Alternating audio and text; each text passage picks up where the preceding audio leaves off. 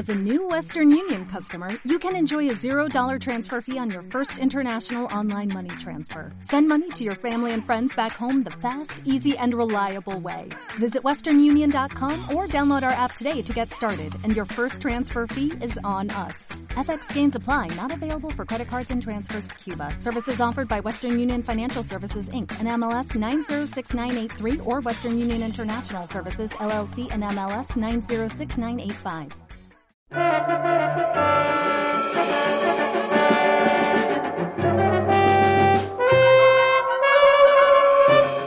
to the Unknown. El único podcast sobre Doctor Who hecho con gente que no ve Doctor Who.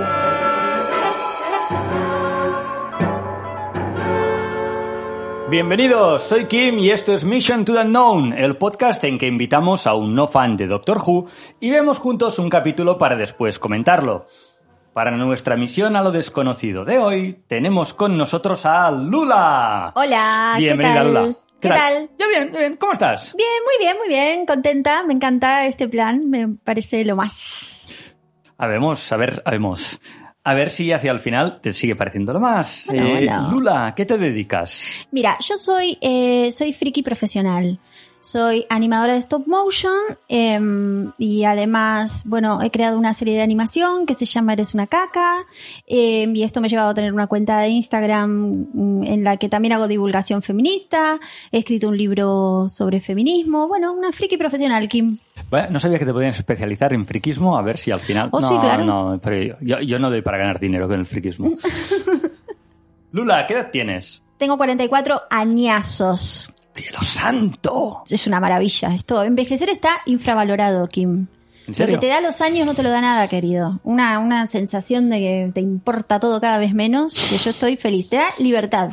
Te machaca un poco el cuerpecito, pero bueno, hay movidas para eso, no sé, hay que hacer gimnasia, cosas que yo todavía no hago, pero para mí cumplir años Pero es sabes lo más. que te funcionarán cuando Sí, empieces a ah, hacerlas. claro, Eso seguro. Porque seguro. Claro, eso te da una tranquilidad, que dices, estoy El día un que poco... empiece a hacer ejercicio Claro. estará todo solucionado forever. Lo- Tengo, vale. la, tengo la herramienta ahí, en cualquier momento la agarro. Hagamos una cosa, cuando el año que viene haga 44, sentiré ese subidón que tienes, que tienes tú ya, y entonces empezaré a plantearme hacer ejercicio. Sí, pero no quiere decir que sea inmediato. Te lo puedes plantear para los 46, los 47, no pasa nada. 65, 60 También, y- mira. 65, no, no eres catalán, quien me cago en la...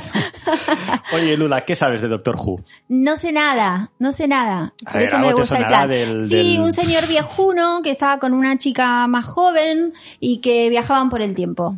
Nada más. Viajeros del tiempo con unos looks maravillosos de los años 60, que eso ya para mí es todo. Eh, una relación, no sé si habrá tensión sexual ahí o no. Un señor viejuno con una joven, esto es algo que hemos visto mil veces, aunque es polemiquísimo. Y luego, no, es que no sé mucho más, pero a mí ya me mola. Los viajes en el tiempo me molan y, eh, y los looks estos me vuelven loca. Aunque también sé, esto sí que es algo que sé, que la serie se hizo durante muchos años más, así que supongo que la estética habrá ido cambiando, pero yo, más allá de estos que les tengo las caras puestas, ¿no? Porque la actriz además era muy famosa, eh, a los que vinieron después no les, te- no les tengo cara, o sea, no, no sé nada. Es poquito eso, ¿o no? Me encanta porque no sé nada, es poquito y has señalado dos minutos de programa, es maravilloso.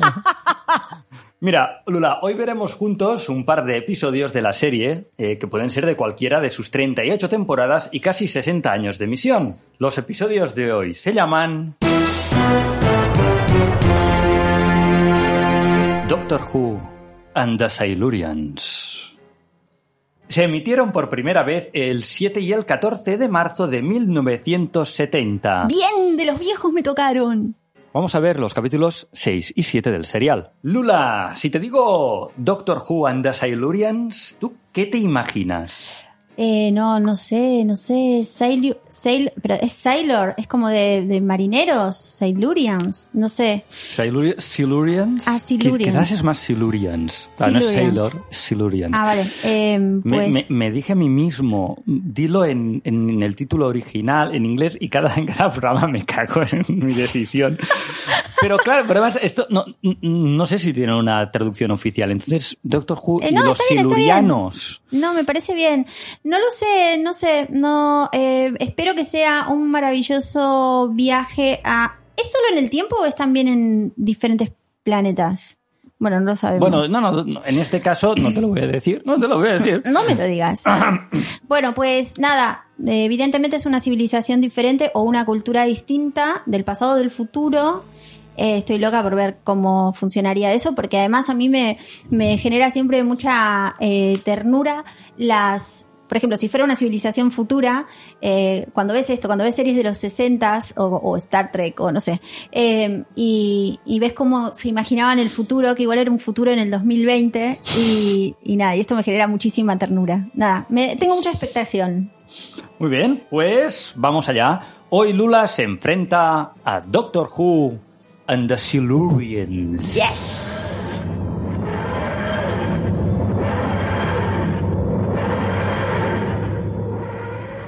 El tercer doctor, que sigue exiliado en la Tierra, es enviado por UNIT a investigar unas extrañas pérdidas que está sufriendo la central nuclear de Wenley Moore. Descubrirá que estas pérdidas se deben a la intervención de los silurianos, una raza que dominó la Tierra antes que los humanos y que ha despertado de su hibernación. Una pugna de poder entre los silurianos deja un nuevo líder dispuesto a acabar con los humanos para volver a dominar el planeta. Su plan, liberar un virus mortal que acabe con todos nosotros. El doctor, Liz Shaw y el brigadier se disponen a hacer todo lo posible para detenerlos. ¿Lo conseguirán? Doctor Who and the Silurians fue el segundo serial de la séptima temporada de Doctor Who. Está protagonizado por John Pertwee como tercer doctor, Caroline John como Elizabeth Shaw y Nicholas Kearney como brigadier Lethbridge Stewart. Hasta el momento, todos los guiones de rodaje se titulaban Doctor Who and... y el nombre del capítulo. A causa de un error del equipo gráfico que para este serial lo dejó completo con Doctor Who and the Silurians, se optó por eliminarlo de los guiones a partir del siguiente, y así evitando nuevos errores. Las palabras Doctor Who no aparecían como parte del título desde The Death of Doctor Who del serial The Chase en 1965. Mission to the Unknown. El único podcast sobre Doctor Who hecho con gente que no ve Doctor Who. ¡Ay, qué chulo! Eh, yo me acordaba de otro actor. No, me muero. Listo, ya me gusta todo. ¿Medio científico? Le contaminó todo. ¿Por qué no va el señor a atender el teléfono? Este boludo va a propagar todo. Estos planos maravillosos. ¿Te das cuenta? Todos señores. La única mujer que había atender el teléfono. No lo aguanta más. El brigadier. Era un siluriano. ¡Es chulísimo! Se pueden mover. Los guantes. Los ojicos. Lo dijo mirando a cámara. Los llaman simios. Un negacionista de las vacunas. Es Miguel Bosé. Los amo mucho, ¿verdad? Ay, por favor, que la muestren. Todos se mueren como frotándose contra algún actorazo. Yo me lo creo todo lo que está haciendo. Bueno, tuvo una idea la mujer. Ahora dijo miles de años. Bien, se contagió el negacionista. ¡Cante, qué dignidad! Ay, tiene delirios paranoicos. Pobres muertes de ficción. Los efectos especiales maravillosos. Dale, Liz, termina la voz. ¿Mataron al brigadier? El generador lo van a usar para matar a todos. ¡Ay, se vuelve a! Se pone muy nervioso. Mira cómo está. ¿Este cochecito es la máquina del tiempo? Ah, no, me encantó.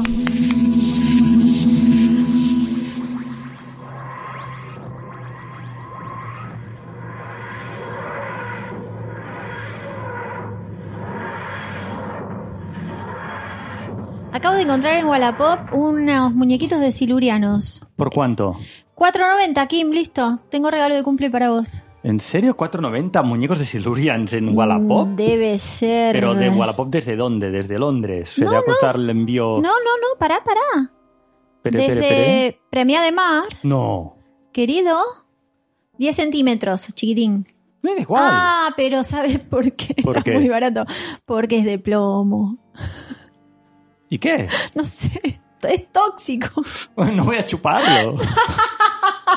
Era tóxico como un siluriano real. No, pero además tenemos ex- experiencia con el plomo. Eh, Ya, sí, ya. esqueletos de plomo. Es que ya tenemos plomo en nuestra sangre.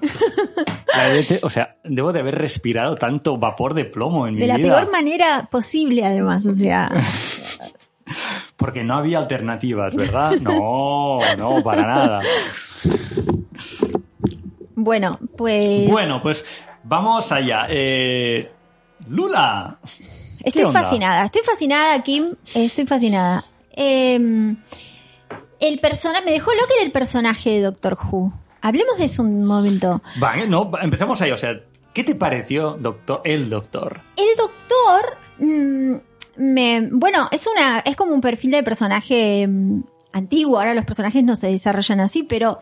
em, pero en contexto es, fantástico y, y me llama la atención que sea como muy, eh, es como un ente único, es como muy distante. No nos enteramos de lo que está pasando por su mente. De repente él tira unas instrucciones y, y los que están alrededor hacen, pero no, no, no sabemos qué es lo que está pensando, qué es lo que, no, no, es muy hermético, ¿no? Me dio esa sensación. No sé si siempre es así, al menos en estos capítulos me dio esa sensación como que es una, un tipo distante al que se lo admira y se le obedece, pero no, Este es un poco el doctor que mola, el doctor que llega Sí, y sí. controla, el doctor que Sí, llega sí, y me pilota. gusta, pero por eso te digo, me parece fascinante. ¡pah! Sí, Cuidado, sí. aquí tal, tío, yo sé de todo, Ah, claro, tengo el mundo en mi cabeza, Total. sé de reactor, o sea, puedo controlar No, un es que de reactor. repente era MacGyver. Faltaba Ah. que se sacara el chicle de la boca y lo, y lo cogiera ahí para el reactor, lo pusiera. Bueno, y por eso Brutal. puede todo, ¿no? Y te saca la fórmula de tal y está, o sea, la, la- la gracia es que a nivel científico él tiene todo, todo controlado. A menos aquí, porque ahora él está en la, él viene de donde viene y aquí está en la Tierra de Claro. los años que en, te- en teoría esto tendrían que ser, pasan los 70, pero la idea era que fuesen como una especie de 80 Mm. porque era como un poco confuso, ¿no? Este- esta temporada la idea era que pasase un poco, unos años en el futuro de la realidad. Luego le salía más bien y más mal. Como por ejemplo cuando el, el taxista le da el cambio al, a Masters, Sí. se lo da, en la voy a contar los billetes, eh, antigua para el Reino Unido, la cambiaron en el 71. Entonces ¡Ah, qué buen detalle! el tío se lo se lo da en el paso cuando ya se, se sabía que se iba a hacer el cambio y la gente está mentalizada y tal y el Ah, tío bueno. nadie le pasó el brief de no no tienes que decirlo porque esto va a representar que es en un Ah, futuro qué distante tienes que bueno. decirlo como lo dirás dentro de un año y nada el briefing que se quedó cojo por ahí Qué bueno, qué bueno, qué Pues, buen bueno, detalle. eh, pues no claro el tío controla controla totalmente Sí, el sí, tema sí. de aquí porque para él nuestra ciencia es Claro. Cha, tío, que Juego tengo una de máquina del niños. tiempo no me jodas Claro. Claro. Eh, bueno, también el detalle de, de que tiene miles de años, claro. O sea, es un viajero del tiempo. Puede tener cuántos años como quiera. No sé. Bueno, no por el hecho de viajar en el tiempo, sino porque él es un Time Lord, él es un señor del tiempo. Vale, no es humano. No, no ah, por eso tenía una biología diferente. Vale. ¿Te imaginas, Kim, el brainstorming del momento de crear el personaje? Bueno, ¿qué podemos hacer que tenga? Es maravilloso. Dos corazones. No, Venga, bu- bueno, unas pulsaciones más bajas.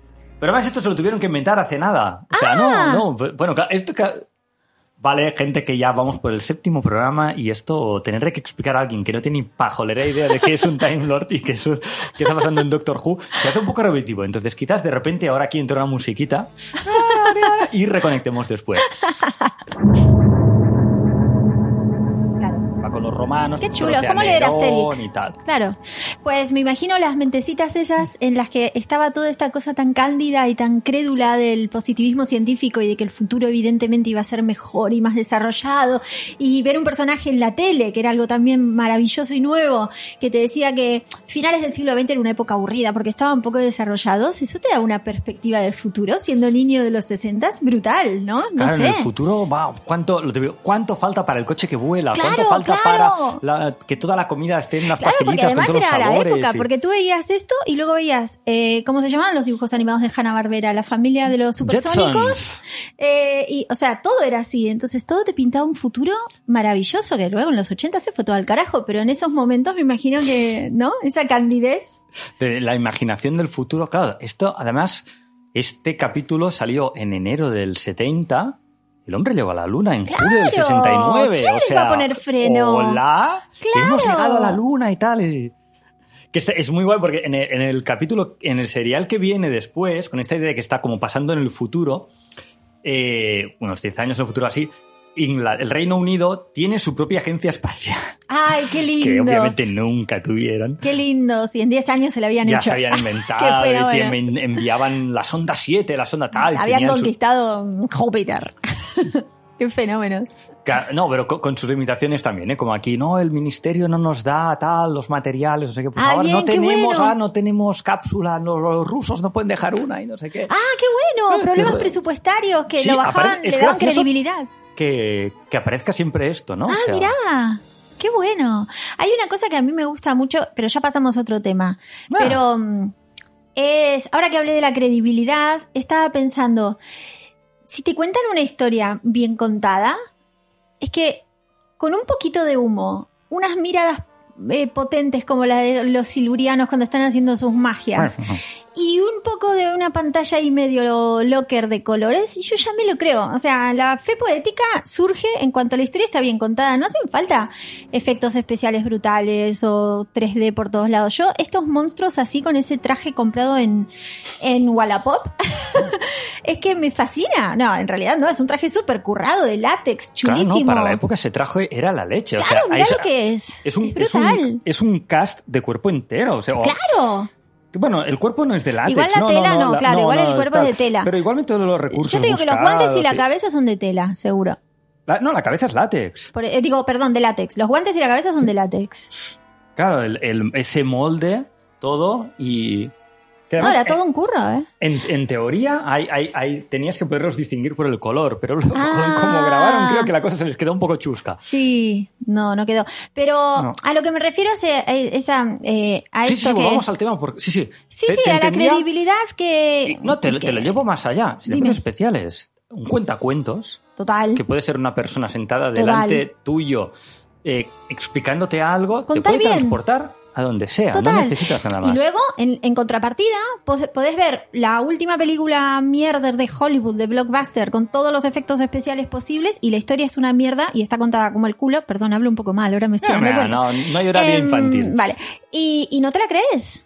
Porque no, no, pode- no hay fe poética posible ahí. No, no, te la, no, no puedes depositar tu fe en lo que te están contando porque es- está tan mal contado, está mal actuada, está mal dirigida y no te la crees. Estás todo el tiempo pensando, no me lo creo. Y de alguna manera tampoco te han abierto la puerta. o sea, quizás es porque lo vemos con distancia, pero vemos esto de los, de los 70 y, y solo por el amor al, para nosotros vistos desde ahora, naifismo a, a lo que era en el momento, no sé, entra como esa barrera de, de- de- de filtro de esto no me lo voy a creer, la tienes que hacer desaparecer porque Sí. si no, no comprarías nada Sí. y ya te lleva a comprarlo todo. Sí, ¿no? Sí. Te pasa al... te- eh, ayuda un poco. Depende de cómo lo veas. Habrá gente que verá esto y esto es una puta mierda. No, no, no, estás sí, pero es verdad, es verdad que la nostalgia ayuda. O sea, la enternece y entonces ayuda y uno la ve con ganas.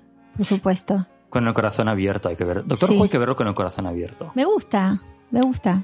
Y esto es una cosa también que se ha como perdido, porque simplemente ya con el... Los capítulos de cuando se empezó a hacer el Doctor Who de, de la serie actual, porque hubo todos unos años que no hubo capítulos, incluso para la época los efectos eran bastante cutres. O sea, lo- y ahora ves un capítulo de 2005 y tienes que hacer el, mejo- el mismo juego de Ah. credibilidad que con un capítulo de los 70. Ah, mira. Porque si no entra. Ah. Pero está guay. Sí, claro. Y ahora, en cambio, ves un capítulo de 2021, bueno, 2021 ha habido, pero de 2020, y es, guau, súper efecto especial, tal, como... Y menos, yo echo de menos que Doctor Who haya perdido ese punto de no estamos exactamente al día, al día, al día de las posibilidades de efectos especiales Ya. porque le daba ese punto de juega conmigo Ya, a ya. creerte esto. Ne- Necesito que, entre- que entres en el, en el rollo. Y ahora lo ves y es Y unos ese- plazos es- preciosos y que te cagas, ¿eh? Sí, y sí. todo, super efectos especiales. Pero ya no requiere nada de vos. No requiere que vos hagas ese... que Que, lo tengo que comprar. que bajes esa barrerita a propósito. Que es como un acto de cariño. ¿Mm? ¿Verdad? Como, Sí. bueno, dale, yo me lo voy a creer, vos contame. Me gusta mucho lo que estás diciendo. Y al final pasa, y es curioso, que al final pasa lo contrario. Hacen como el super efecto, pero entran en una nave industrial, no sé cuántos, y te hacen como un plano de, wow, mira cuántas cosas han construido aquí, y está tan bien hecho y tal no sé cuántos, que acabas pensando, hombre, pues no, pues realmente si los Daleks iban a invadir la Tierra, tal no sé cuántos, aquí tendrían que haber hecho el triple o el cuádruple de efectivos para... ¡Te pones crítico! Claro, claro, claro, total. ¿Sabes a qué me recuerda esto, Kim? Mm, ya que somos dos frikis del Stopmo, a, a cuando salió mm, La novia cadáver y Ah. estaba tan, tan, tan, tan bien hecha, tan bien iluminada, tan procesada luego en postproducción, que la sensación que teníamos cuando la veíamos es, ¿para qué la han hecho en stop motion si parece hecha con ordenador? Parece hecha por ordenador. Porque el stop motion requiere que vos pongas algo de vos también. Te están contando cosas que son hechas o con plastilina o con muñecos o con. Entonces, si vos vas a ir crítico, o sea, si, no vas a, si no vas a bajar esas barreras de y predisponerte a creer, no puedes ir a ver una película de stop motion porque todo el tiempo vas a decir, pero un zorro no habla, no sé, lo que sea. Em, y nada, y me parece que con la novia cadáver nos pasó algo así. Yo me acuerdo que, nos había No, pasado sí, esto. Que es lo, como- lo- lo comentamos y yo me acuerdo de estar eh, viendo la novia cadáver en los Verdi, en Verdi Park, y, y llegar a desconectar de la película. Sí, total. Pero también ahí igual la historia no me atrapó mucho. Sí, ¿eh? no era muy buena. pero también visualmente. Por ejemplo, y esto es una cosa que me encanta de, de Arman, cómo ha Mm, mantenido Arman, sí. y cómo, y también Laika. Siempre Sí. hay ese, eh, Laika un poco más a buscar ya leñe, ¿no? Vamos a como a comer, pero creo que saben encontrar el punto de que los materiales Sí. Algo traspase al espectador para que una parte de tu cerebro siga procesando que eso es un Sí. muñequito pequeño. Sí, total. Bueno, con Laika siempre está como esta polémica porque eh, utilizan impresiones 3D y no sé qué, pero si vos ves, eh, por ejemplo, Cubo, hay unos primeros planos de él en el que podés ver perfectamente el cambio de texturas de una cara de reemplazo a otra. O sea, todo el tiempo estás tenés esa info de que de que no es 3D, de que son muñecos y te lo y, y entonces ahí es donde vos tenés que poner de tu parte el creértelo, ¿vale? Sí, Les creo. y, y los materiales de la ropa, de todo lo que llevan, Sí. se- te, te puedes ver esas diferentes Sí. calidades. Y en cambio, en, en la novia, en la novia cadáver, todo tenía ese limpio, Sí. de ese mega látex súper bien trabajado, excelente, que es, es- parece una textura hecha por ordenador porque todos los materiales me, pare- Sí. me, me los computo como iguales. Ahora también igual, bueno, igual no, o sea, no he visto la, como no me gustó, no he visto la novia cadáver desde que la vi en el cine. Ya. O sea, hace como 15 Es años verdad, que no yo la solo veo. la vi una vez, tal cual. Y, cambio, ¿cuántas veces hemos visto Pesadilla antes de Navidad? Por favor, cientos, cientos de veces. Y Eh, puedo volver a verla hoy, ¿eh? Bueno, Sí, acabamos esto y le damos play. damos- claro. Sí, Y, y esto necesitas que el, que el, no sé, que no, que te den ese, ese, esto está hecho así. Y Arman, por ejemplo, me encanta como no está utilizando plastilina, pero juega al juego de que te, te parezca esa texturilla. sí. Sí, total. Pero de todas maneras, yo creo que Shaun the Sheep es, sí que es con plasti, ¿no? Creo que hay cosas que las mantienen con plastilina. La serie o, o Teeny Time o alguna de estas conservan, hacen, hacen, trabajan con plasti. Creo que sí. Supongo que sí. Y yo digo, una pregunta así. Eh, ¿Será esto una sensación general o será una sensación que tenemos solo un reducido grupo de frikis y en realidad todo el mundo quiere unos efectos 3D maravillosos que, que en el que no se note la trampa ni el cartón? Tendremos que preguntar a, A nuestro querido público. público. Sí, en realidad, ¿ustedes de, de qué lado, de qué pie cojean con el tema de la apreciación del stop motion? ¿Del stop motion o de esto, de las series, o de Star Wars, o de, no sé, lo que sea, ¿no? ¿Que se ve ahí un poquito la máscara levantada o, Hmm. o el 3D magnífico? Pues, ah, pero uf, no sé qué decirte, ¿eh? porque por ejemplo Star Wars no, no he estado viendo al día eh, Mandalorian, he visto unos pocos, pero me estaba gustando y en Mandalorian lo compras todo Sí, sí. directamente. Sí, sí. No hay. Total. Han revolucionado además totalmente el tema de los sets, que ya no hacen cro- utilizan cromas ni tal, utilizan estos sets que es, que es una Sí, sí. pantalla gigante. Es brutal. Vale. eh, Volvamos. Volvamos. Volvamos no, lo tenemos muy fácil. Volvamos. Dato, ¿has visto el primer serial de Doctor Who en utilizar efectos con croma? ¡Efa! ¡Ostras! Mm. ¿Dónde han usado un croma? Ahora en yo las tengo cuevas. En, este, Ah, en estos capítulos que has visto tú, en las cuevas, para hacer el espacio más grande por Vale. detrás, había, Vale. había croma. Vale. En capítulos en- anteriores de este serial había momentos en que salían, es que los Silurians tú no lo has visto, pero tienen una especie de T-Rex como guardiante de, de las ¡Ostras! ¿y por qué no lo vi? Porque salen el primero y el segundo tercero solo. Vale, vale. Ahora yo tengo una pregunta para hacerte. Sí. Porque, eh, claro, ¿de dónde salieron? Los Silurians. Claro. O sea, al ¿se final los, dice se los trajo? alien, pero no, no, no, son, son, son, no son alienígenas. Ya, son, yo pensé que eran humanos, eh, eh, una, una especie antigua y que por algún viaje en el tiempo han vuelto a la... No, ah, no, estarían hibernando, claro. Estarían hibernando y estaban aquí antes que nosotros. Claro. Que desarrollaron la civilización y creo por algún tipo de algo De- del ¿Desarrollaron qué cambio. civilización? ¿La humana? No, la suya. Ah, vale, la suya, sus esto tal, y se, y se- y se hibernaron. ¿Y por qué dice que son alienígenas? Es que igual son alienígenas y llegaron a la Tierra hace millones de años y se pusieron Puede a que llegaran a la hibernar. Tierra hace millones de años, pero eh, yo tenía entendido que eh, son, o sea, son terrícolas. Ah. From the dawn of time. Ah, vale. Eh, se me ha ido de la cabeza totalmente lo que iba a hilar con esto. Ah, sí. From the dawn of time, ya sé que lo que voy a decir. una palabra que me encanta. Son antediluvianos. Sí, qué linda palabra. Hermosa. Hay que pocas oportunidades de usarlas. Sí, ¿eh? Hay que aprovechar. Hay que aprovecharlo. Claro. dos, tres. Antediluvianos. Los Antediluvianos. silurianos son antediluvianos. Me gusta. Yes. Pues sí, eh, que son, pues están ahí. Y no sé por qué al final les dice aliens. Bueno, puede ser que el doctor no tenga la información de que de que estaban aquí y tal. Ah. Igual resulta del anterior del anterior que luego se explicó. Claro, esta era la primera vez que aparecían, pero luego hay muchos malos que son recurrentes, que van reapareciendo y que eh, se va rehaciendo el backstory, se va reexplicando y tal. Igual sí que llegaron a una nave hace 5.000 millones de años y Claro. no me lo sé. Claro. Que esto lo- los, los fans, fans, fans de Doctor Who que saben todas las cosas. ¡Hala! ¿Cómo quién tiene un podcast y no se sabe eso? Pues sí, sí, eso es una verdad. Haters gonna hate. Yes, they, yes, they are.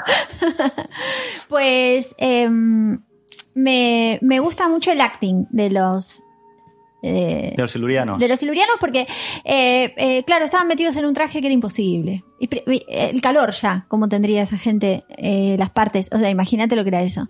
Pero es que además, claro, eh, movían un poquito la boquita.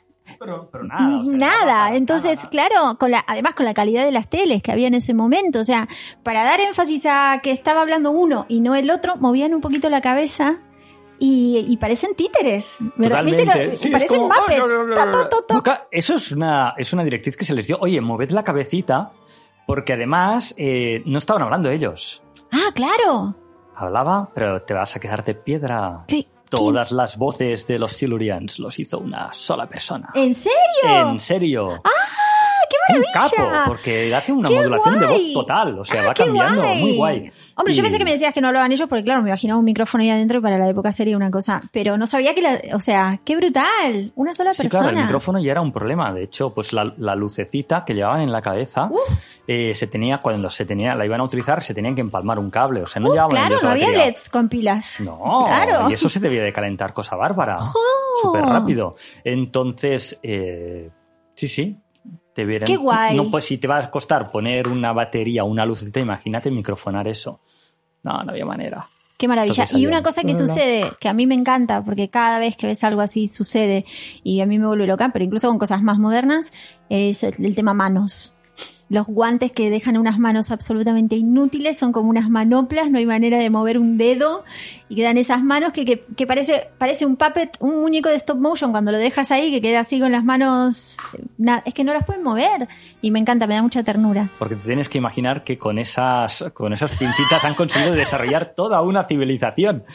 No podían ni, ni usar un destornillador No, y se habían montado toda una Los cosa. Cybermen también tienen, al principio tenían, o los primeros tenían unas, unas, las manos humanas, unos enemigos y tal, que tenían, se presenta que dentro había una especie de humano zombificado y ya iban con la mano, pero luego, y realidad, y además era muy guay porque veías manos humanas y era súper creepy. Porque, Ah, bueno. porque dentro del traje había un humano, bueno, bueno. una especie re- no exactamente, o menos de un enterrícolas, digamos. Y luego los fueron sustituyendo por una especie de cosa como más robótica. No, No, ya no, perdió. Además, esa pincita, ¿cómo vas a crear toda esa civilización No. con esa pincita? No. Qué bueno. Diales de cosas, no, con, con ese, ¿qué, qué le das con eso? No. No puedes. Qué bueno, qué bueno. Qué guay. El doctor, estamos hablando del doctor. Sí. Eh, es como un Madelman, has dicho, ¿no? El tío Bueno, no, me encantó, acción. sí, tenía sus outfits, ¿viste? Pero además un montón. Este es el doctor que más se cambiaba de ropa de ¿Ah, los que he visto, ¿eh? Ah, sí. Pero en Es estos que- capítulos en particular o mientras él estuvo. Es que en estos capítulos, yo aún, va, que salga toda la verdad. El tercero no lo he visto entero, aún, lo Ajá. estoy viendo. Ah, O sea, de, hecho, es que estaba viendo eh, seriales y estaba tirando y, y pensaba, guau, del tercero hasta que no lo veas todo. Y el otro día, eh, viendo, dije, leñe, para Lula estos están de puta madre, porque está todo lo del virus, que Sí, sí. es súper actual. ahí, ¿eh? Hay un negacionista que es súper gracioso. Los Silurians se le van a encantar porque es, es su mierda. Y dije, ya está, dale. Entonces, y yo de hecho estoy ahora acabando, a medio ver el siguiente. No Ah, estoy tan. Pero sí que parece que con el hecho de estar tanto en la Tierra, el tipo este como, ahora voy a científico. Me he visto con mi bata de Ah, científico, tal, no sé cuántos. Me bajo las cuevas, me pongo el traje de ir de espeleólogo con la cuerda cruzada. No, divino, divino. El pañuelo rojo al cuello. Es como un Ken. Es como Ken de Barbie en, en, en Toy Story, boludo. Sobre todo cuando va en mangas de camiseta al Uy, final. bueno, sexy es, se puso. Es un poco. ¿Qué hace? La sería que me fuese rayitas. el- Ah, sería la- genial, con, hubiera con sido la genial. camiseta metida por dentro con el cinturón. Es- Magnífico, magnífico. Es, mágico la pose esa de... Total, Ah, total, pero es que yo me imaginaba los, los, eh, los Modelman, los, los Action Man eh, con sus, con los outfits. Lo- pero los compro, los quiero. Colección completa de y la vestuario. capa, la capa me parece lo más. El outfit capa, que ese es como el clásico, ¿no? Ese viene Ese a ser es como el- su... sí, y es ese, el traje. esta- este outfit, este outfit lo, lo comparten todos los actores que han No. pasado por las... Ah, vale. Este es de él. siempre encuentran una manera de cambiarle Porque el yo, el que vestuario. te, el- porque claro, el- del actor que yo te hablaba, supongo que sería de los prime- del- de la primera época de la serie. Este iba como vestido de gris, ¿no? O algo así, como muy elegante inglés, eh, ¿no? Pero blanco y negro, color. Ah, claro, era blanco y negro. ¿Te puedes creer que soy tan boluda? Quizás el traje era azul y yo lo veía gris. Vale, no, entonces igual era primero, un señor con el pelo blanco, recogido para atrás. Bueno, no sé, no sé. Ahora me metí en un embrollo. El que estaba con esta chica tan, que era como una chica gogo. Buah, después te, te busco una foto. ¿Y qué pasa con esto de los cambios? Porque antes cuando me preguntabas qué sabía yo de Doctor Who, olvidé mencionar un detalle que es que me enteré de que un, de que la última o una de las últimas eh, había sido una mujer. y Esta se es- una mujer en este gorda. momento. Se armó, Sí, se armó la gorda. como pasa siempre cuando hay mujeres protagonizando mierdas de señores. Not my doctor. no me digas. Hashtag. Los, los NMDs. No, dale, joder, qué, Sí. joder, qué poca vida. Bueno, Claro, no, que el vamos siempre ha sido tal. Eh, se pierde un referente para los hombres. porque no tienen. Pobres Claro, no, hombres. no, ¿qué hacemos los hombres sin referentes masculinos en nuestra vida? Oh, pobrecitos, ahora, me, ahora los entiendo, me puse súper triste, no tienen referentes. Ah, nunca te habías fijado en esto, ¿eh? Claro, no, no alcanza con todos los putos protagonistas de todo lo que hay en el mundo que sean hombres, no alcanza, necesitaban también a Doctor Who. Doctor Who, que está, que todo el mundo sabe quién es. Estoy alucinando. Bueno, pero eso siempre Bueno. pasa, pasó con, con Cazafantasmas, pasa, pasa siempre, pasa siempre. Yep. Em, No sacaremos el tema de que eh, no me gusta la peli de las chicas de Cazafantasmas, pero, no te- pero es, es por la peli en sí, o sea, la cambias lo así hablamos, sí, no te gusta así el guion, así digamos, click, eh. y se transformen automáticamente todos en tíos y pienso exactamente lo mismo ya, de la ya, no peli, te gusta el guion, no. ya lo hemos hablado, sí, sí. Sí, pero no en el podcast. No es lo vamos a verdad. hacer tampoco. Ay, disculpen. Bueno, em, eh, para, y otra cosa que te quería decir. Bueno, a mí me gustó una, un detalle, em, que es que, claro, estamos en la escena en la que mm, están eh, Doctor Who y em, Liz Sí. liadísimos en el laboratorio, pim, pum, pam, las muestras, no sé qué, tráeme los antibióticos, y viene el otro y le dice que hay que atender el teléfono. Y ella dice, "Pff, ni loca, soy una científica, no voy a atender el teléfono. No, bueno, necesitamos a alguien. Y Doctor Who le da la orden y se va a atender el teléfono. Y aunque todo termina en una, en una situación muy, muy machista, yo valoro el hecho de que el director o directora, no sé si lo dirige un hombre o una mujer, este hombre. capítulo, eh, valoro el hecho de que el director al menos haya mm, eh, eh, planteado cierta polémica en el asunto, ¿sabes? O sea, que no se haya dado por sentado que ella dejara todo lo que estaba haciendo y se fuera corriendo a obedecer a un hombre, sino que al menos el hecho de que el personaje op- oponga resistencia, intentando obtener una, un trato justo, aunque luego no lo obtenga, me parece un detalle muy interesante. Esto se lo debes a Malcolm Hulk, el guionista de, este, de este capítulo. Y Doctor Who ha tenido un poco la, la presencia un poco así fuerte femenina. Ujú, Indudablemente ha habido, era hija de una serie que es hija de su tiempo, pero cuando empezó, por ejemplo, la primera productora de la serie fue una mujer. Ajá, qué interesante. Entonces ya había un poco esa, esa mella. Verity. Lambert, eh, de hecho, tuvo que, que callar muchas bocas y las calló, siendo- sacando adelante Doctor Who. Y ha tenido un poco este, este rollo, o sea, con no relegar a, a la mujer al, al papel pasivo. Al principio sí que es verdad que mm, en primeros personajes, como por ejemplo Susan, que era la nieta del doctor original, eh, era un personaje que perdió mucha fuerza, podría haber tenido mucha identidad y de enseguida era la, la Screaming Lady, ¡ah, no, Ujú. no sé cuántos! Pero luego ahí ya tenías Bárbara, que es una tipa que bien puesta, evidente, con, con, mucho criterio y que no se amedrentaba. O sea, los llevaban dos años de serie y tenías a esa mujer conduciendo un, un camión y atropellando un Dalek, unos enemigos, pasándole por encima. Me cae bien. Tal, o tenías, hay una que me encanta, en, con el segundo doctor hay un serial que se llama The Web of Fear, en el que hay una, una mujer que es científica, como Ajá, Liz, Ajá. y está en una situación eh, tipo esto, llena de militares en una estación de metro de Londres. Ajá. Destacan unas criaturas, están encerrados en, en el metro. Y él está ahí investigando porque su padre es también científico, no sé qué, no sé cuántos. Y un, eh, y un militar se le acerca y le dice, eh, el típico, ¿qué hace una chica como tú en un sitio como este? Ya. Tal. Y ella le contesta, eh, pues muy fácil. Cuando era niña quería ser científica, crecí y me hice científica. ¿Y ahora me dejas trabajar? Qué bien. Entonces, ya ha habido Qué bien. este. el solo este hecho de que hubiera una mujer científica ya era significativo. Mm. O sea, de ese terreno estamos hablando. Estamos hablando de un terreno muy áspero para que una mujer se presentara como científica en una serie de prime time, supongo, en la tele. Y que, en el, y que no fuese solo es una mujer y ya está. sino- no, no, ponemos en el guion que esta, que esta mujer está. No estamos obviando el, el mundo machista en el que está. Claro, claro. De repente está ese comentario. ahí. contextualizado. De, de hecho, hay momentos en los que incluso parece un poco que Doctor Who haga pequeños pasos hacia atrás, porque Ajá. reivindicaciones de estas luego pues, llega a lo siguiente y, y pasan como, cosas como esto que has visto hoy, ¿no? Claro. que ya no se planta y se queda investigando, sino se va a atender el teléfono. También es verdad que yo esta escena la entiendo un poco como el doctor en ese momento esa parte la tiene cubierta y la prioridad, está muy bien que se reivindique, pero la prioridad es que el virus no se expanda. Sí. Quizás una llamada telefónica más es la diferencia entre que ese tío contagie a vez 200 personas, más Sí. O menos. Sí, sí, sí. No, pues, y se encargan de remarcar que es una situación urgente y excepcional. Sí, sí. Sí, Por eso claro. no me, me ya. Me pasó un poco que mientras veía la escena pensaba, coño, coño, coño, y luego enseguida pasan 10 segundos, Sí. se resuelve la escena y dices, bueno, tampoco ha sido tan grave. Y, Sí, te- sí. y queda bastante bien explicado. Sí. Por eso lo, lo- va- valoro la, la escena.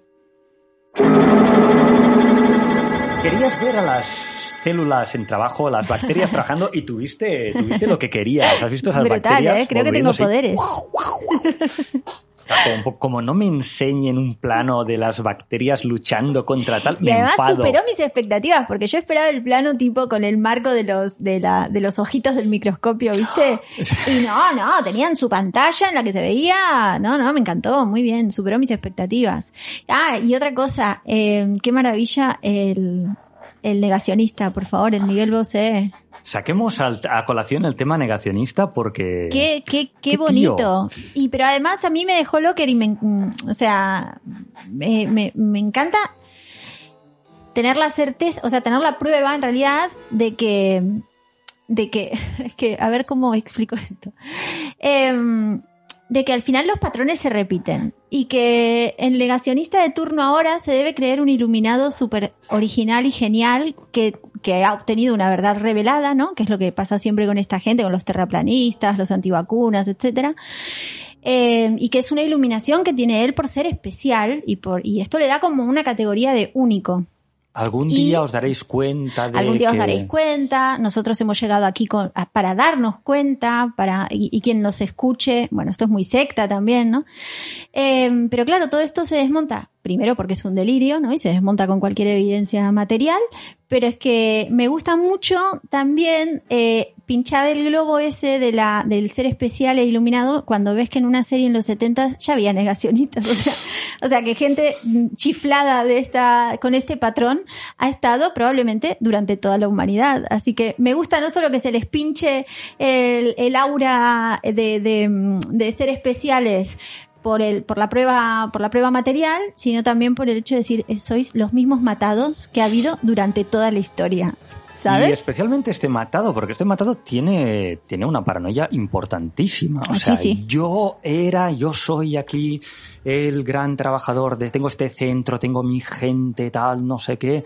Y es un poco, usted no sabe con quién está hablando. Sí, sí. Y, se le, y, es- y el tío se debía de creer que era depende de qué, y se le desmonta el mundo y Sí. además le vienen. Entonces, cuando con este personaje no sé muy bien si la paranoia de- del personaje crea el antivacunista o el antivacunista que era, llevado a un momento de estrés, ve crecer esta paranoia en sí. Eh, a mí me pareció un tratamiento súper interesante, por, bueno, por esto que vos remarcás, ¿no? Porque, es más, eh, creo que el negacionismo tiene más que ver con su, con su desesperación por perder su, por perder la posición que tenía. Una cuestión de ego total.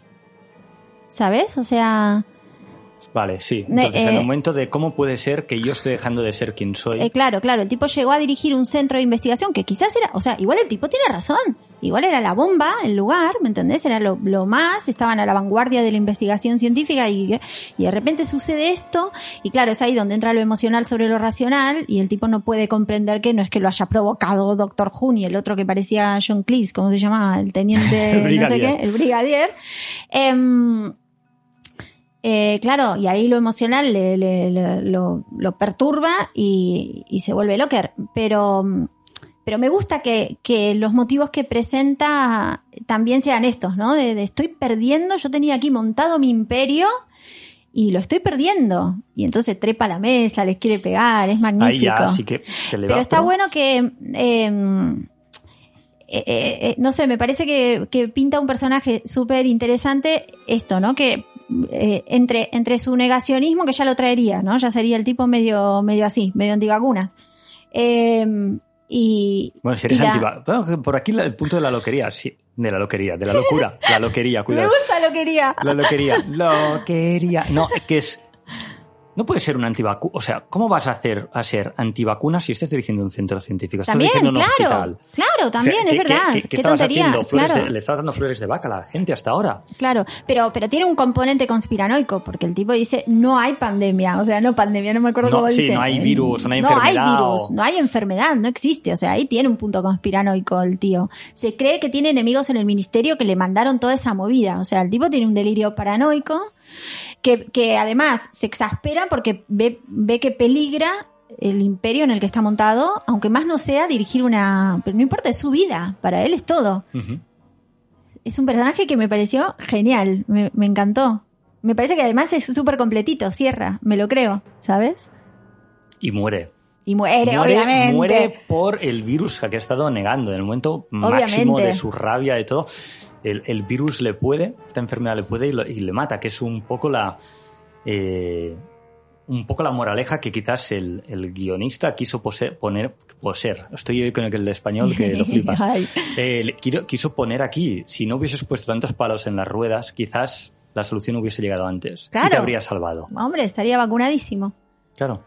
Al límite un poco, pero vacunado. Tal cual, tal cual. También tengo que decir que la subtrama del, del virus eh, no estaba en la idea original de este Ah. serial. Eh, el serial tenía que ser eh, más corto, tenía que tener seis capítulos.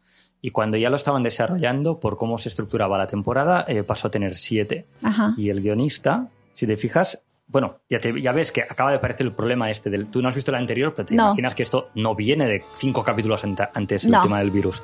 Entonces, claro, es un tema que se crea y se resuelve en el mismo capítulo. Ajá. Y es un, es un relleno total, pero que queda súper bien Queda integrado. súper bien. Que gracias a Dios vino, porque cuando estaba viendo el, el serial era como, bueno, ya veo para dónde va, a ver, no sé qué. Y cuando de repente en el capítulo 5, a finales del 5, te aparece el tema del virus y ves que ese tío se está yendo por ahí, que se le escapa y que empezará a propagar el virus, te da un subidón. Total. Total, es como, ¡guau! Es lo último que me esperaba. Este ya, yo ahí una historia de cavernas, de no sé qué, muy controlada, y de repente te, te abro el capítulo al mundo. Buenísimo. Te enseño, te empiezo a enseñar calles con gente mm, que empieza a estar mal, tal. Se abre el mundo y dentro del serial le queda perfecto. Es como, ¡oh! ¡dame más! ¡Qué Estaba bien! un poco como, wow, bueno, vale, sí, claro, es que seis capítulos son un montón para un serial, no sé qué, se me está haciendo un poco repetitivo y de repente, ¡toma! Qué bien, qué bien, qué bien. No, sí, ¡Qué es un bien subidón. pasó esto! Sí, sí, es un subidón. Sí, sí, sí, muy chulo, muy Viva. chulo. Muy lindas también las, las pústulas esas, no sé, siempre está bien, ¿no? Cuando hay un virus empezar a ver que a la gente se le llena la cara de porquerías y se mueren podridos. muy bien, muy bien. Tenían su buen Claro. equipo de maquillaje y todo, ¿eh? O sea, Su buen equipo guay, de maquillaje guay. era muy poca gente. pero Pues, pues una me encanta, muy, o o sea, a pulmón o como sea, pero muy, muy guay. No, a pulmón total, porque, cuidado, estaban produciendo televisión. Entonces, eh, toda la parte de exteriores está filmada en 16 milímetros, que se nota la diferencia, Sí. ¿no? Toda la parte de interiores es televisión. Sí. Toda la parte de televisión del capítulo en sí se tenía que grabar cuando tenían las cámaras y el, y el set y todo. Entonces, cuando rodaban, todo el cada uno de estos capítulos de 25 minutos está grabado en unos 105, 110 minutos ¡Ostras! que ensayaban durante toda la semana y después grababan. Ah, era toda castaña. A toda era... castaña. Entonces, ese equipo que dices de maquillaje, que básicamente encargársele de las pústulas era una persona, Ostras. tuvo que hacer todo el trabajo contrarreloj desde que lo ves por primera vez en el capítulo que no tiene pústulas, que se va por la puerta. Siguieron grabando el resto del capítulo y aquí sí que creo que cambiaron un poco de orden para hacer esta escena concretamente al final. Ajá. Cuando, está- cuando ya podían estar todos cuando maquillados. El tío ya podía estar maquillado y entrar con la cara deshecha, pero ¡Ostras! contrarreloj. O sea, no es eso. Qué no, subidón de grabamos, rodaje, tal, ¿eh? no, no, Qué es- ritmo loco. Es- estás ensayando toda la semana a nivel interpretativo tal, estás ensayando todo el... Esto fue un lunes. Desde, desde la mañana hasta la hora de cenar, los movimientos con cámara, tal, cómo nos moveremos en los sets, como tal, no sé qué, no sé cuántos. Cenas y después de a las 7.45 así, y antes de las, a las 10 por contrato tienes que cerrar y todos los técnicos, que es la BBC. Claro. Sindicado totalmente. Claro, A, las, a las 10 a los técnicos se les cae el boli al suelo. Son funcionarios. Les Ostras, cae el- claro. el- a muerte. Entonces esas, ritmo pustu- loco! esas pústulas eran a contrarreloj total. Ay, no, me da mucha ternura. Me imagino al maquillador o maquilladora eh, eh, preparándolas aparte, ya creándolas y todo, simplemente para tener que Claro, pegarlas. que llega y- el tío ahí, dale, rápido, rápido, rápido. La Caray. presión. Mira, mejor aún- o sea, preciosas le quedaron. Ahora lo valoro mucho más. Hermosísimas le quedaron esas pústulas. Me encanta. Un, me da mucha ternura. un aplausicionamiento Ah, total, para... Total, total, aplausición. Hacemos un- una reivindicación. Sí, me gusta. Vamos a buscarlo en Instagram. No tenía. No estaba vivo. ¿Cómo se llamaba? ¿Lo tenés el dato? Me encanta que tengas Eh, tantos datos. Teresa Wright. Teresa Wright es la capa que hizo esto en nueve escenas. Teresa y Wright, la otra. listo, club de fans. De Teresa Wright. Lo hacemos, ahora esta tarde me pongo. Fenómena, me gusta que la reivindiquemos y que la mencionemos. Teresa. Muy guay. Eh, el tío este, la hora en Salto de Vacuna es un capullo, pero el que encontrándose mal, no tengo que ir hasta el ministerio. A ver, tú trabajas en un ministerio de ciencia, por favor, pero quédate en un rincón. Es un irresponsable. Es un irresponsable total. El tipo un loco total. No Y nos hemos comido no, también unos cuantos irresponsables durante la pandemia. Oh, claro, por supuesto. Bueno, ¿te acordás? ¿Te acordás en aquel momento en el que hacían justamente manifestaciones contra la mascarilla? Y estaban todos ahí. Que por cierto, ya que mencionamos a Miguel Bosé antes, la, la había organizado Miguel Bosé. Y cuando fue la manifestación, todo el mundo decía dónde está Miguel Bosé y él hizo un vídeo que estaba en Miami. Dijo, Muy bien, valientes. Me encanta que os hayáis juntado. Y el tipo estaba en Miami. Pero no, este no. Este fue él, ¿me entendés? Fue él contagiado, sintiéndose mal. Claro, la cosa es, el tipo era científico. Es como raro eso también. Sí, ¿No? pero bueno, eh, no, no estoy tan mal, es solo un resfriadito. Sí, sí, yo voy a poder. Ah. Un poquito de omnipotencia. Sí. Esto es el que no existe el virus, pero ah, Sí. total, no pasa nada. Yo estoy bien. Yo, no- yo nunca me enfermo. No, además, Estoy fenómeno. ¿qué- ¿cómo voy a ser yo el contagioso? Total, total. Eh, Incluso, mira, ayer por la tarde fui a una reunión de un, de un rollo y solo entré y eso que saludas y hablas un poco y aún llevaba la mascarilla puesta. Y un, un tío que había ahí, eh, no te entiendo porque con eso hablas como con eco. Y él que y pensando, no lo conocía de nada. Pensé, este debe ser el, el típico de ¿dónde vas con el bozal? Hostia. Que, a ver, ¡Qué de- bueno! Los de, los de, no sé, es ese intermedio, ¿no? De, no es que no exista la pandemia igual, que igual el tío era negacionista, ¿eh? Pero es, esos intermedios de, no, pero a mí quién me va a mandar ponerme Ya. esto? Y mi libertad. Ya, La pandemia existe, pero antes mi libertad. No me ya, ya. Ya. A mí me genera siempre como esto, como, como, después me enojo, eh, porque yo me enojo fácil, ya lo sabes, pero en un primer momento me da como una ternura, como decir, pero, ¿qué te, te lo creíste? Que eras libre y que tenías, y que eras especial. Te creíste la publicidad de Coca-Cola, pedazo de pelotudo. Señor mayor, ¿en serio te estás creyendo eso todavía? Y ahora lo que ¿Sabes? te viene a sacar la venda de los ojos es que te tienes que poner una mascarilla. Es que, No. que me mata, boludo. Porque es la única cosa en tu vida en la que no eres libre. El resto, No, ah, sí, haces claro. lo que te dé la gana. Claro, claro, no tal. estás condicionado en absoluto. Para Tenés nada. un mundo de posibilidades, por supuesto. No te condiciona ni tu clase, ni tu raza, ni tu sexo, ni nada de nada. No, no, sos un ser libre y magnífico y especial. Bueno, era un hombre blanco. No, Bueno. no sé si por el tema de clase lo podríamos pillar, pero la raza y el sexo, el tío está Sí, en mira, el club pero- de los opresores. Pero el hecho de que se haya creído de que el, el cuento de la libertad y el ser especial de que, que le viene contando Coca-Cola mm, ya mm, huele, Sí. ¿verdad? Esa es la gente que me hace perder la... Yo, yo pensaba con, con lo de la pandemia que, por ejemplo, esta responsabilidad eh, tan agradecida de, que se tiene en algunas partes de, de, de Asia, de cuando alguien está enfermo, lleva una mascarilla para no extender... Sí, Pensaba, guau, esto lo vamos a aprender. Todo el mundo tendrá mascarillas por casa, está muy normalizado. Estos años, en, estos años en las escuelas, estos años, como si hubiesen sido desde- este año en la, este año en, en las escuelas, las incidencias de gripes, de, de resfriados han sido cero o Cero. muy bajas. Bueno, cero no, porque habrá habido, porque además la gente se puede resfriar por mil sitios, pero han sido infinitamente más bajas. Se ha demostrado que, ostras, esto es maravilloso. sí. Y, y iluso de mí en muchos momentos pensaba, va, ya verás, la gente tal. Mm, Yo creo que lo voy a hacer. Para que, eh, oye, Sí, sí, estoy sí, resfriado, tengo no sé cuántos. Ay, y la- tampoco te verán raro por la calle. No, porque claro, Nos hemos acostumbrado instalado. todos por, sí. bueno, por obligación. Sí, total. Pero sí que es verdad, yo tengo un hijo de 10 años eh, que, y, y durante el año caía en 4 o 5 gripes, pero así como lo normal, y este año no ha habido una sola gripe. Sí, sí, sí que es verdad. Pero bueno, también está, entra- entramos en eso de, de que es una cosa así medio Mr. Wonderful, de creer que la, la pandemia y el, el confinamiento iba a cambiar a la humanidad, y eso es más falso que... mm, Sí, no. Es también de una candidez que, bueno, también yo voy acá como de lista y de que no me creo nada, pero es que, no sé, era como un poco forzadito, que en un año cambiaran siglos y siglos de comportamiento humano. No sé. La esperanza es linda igual siempre, no hay que perderla.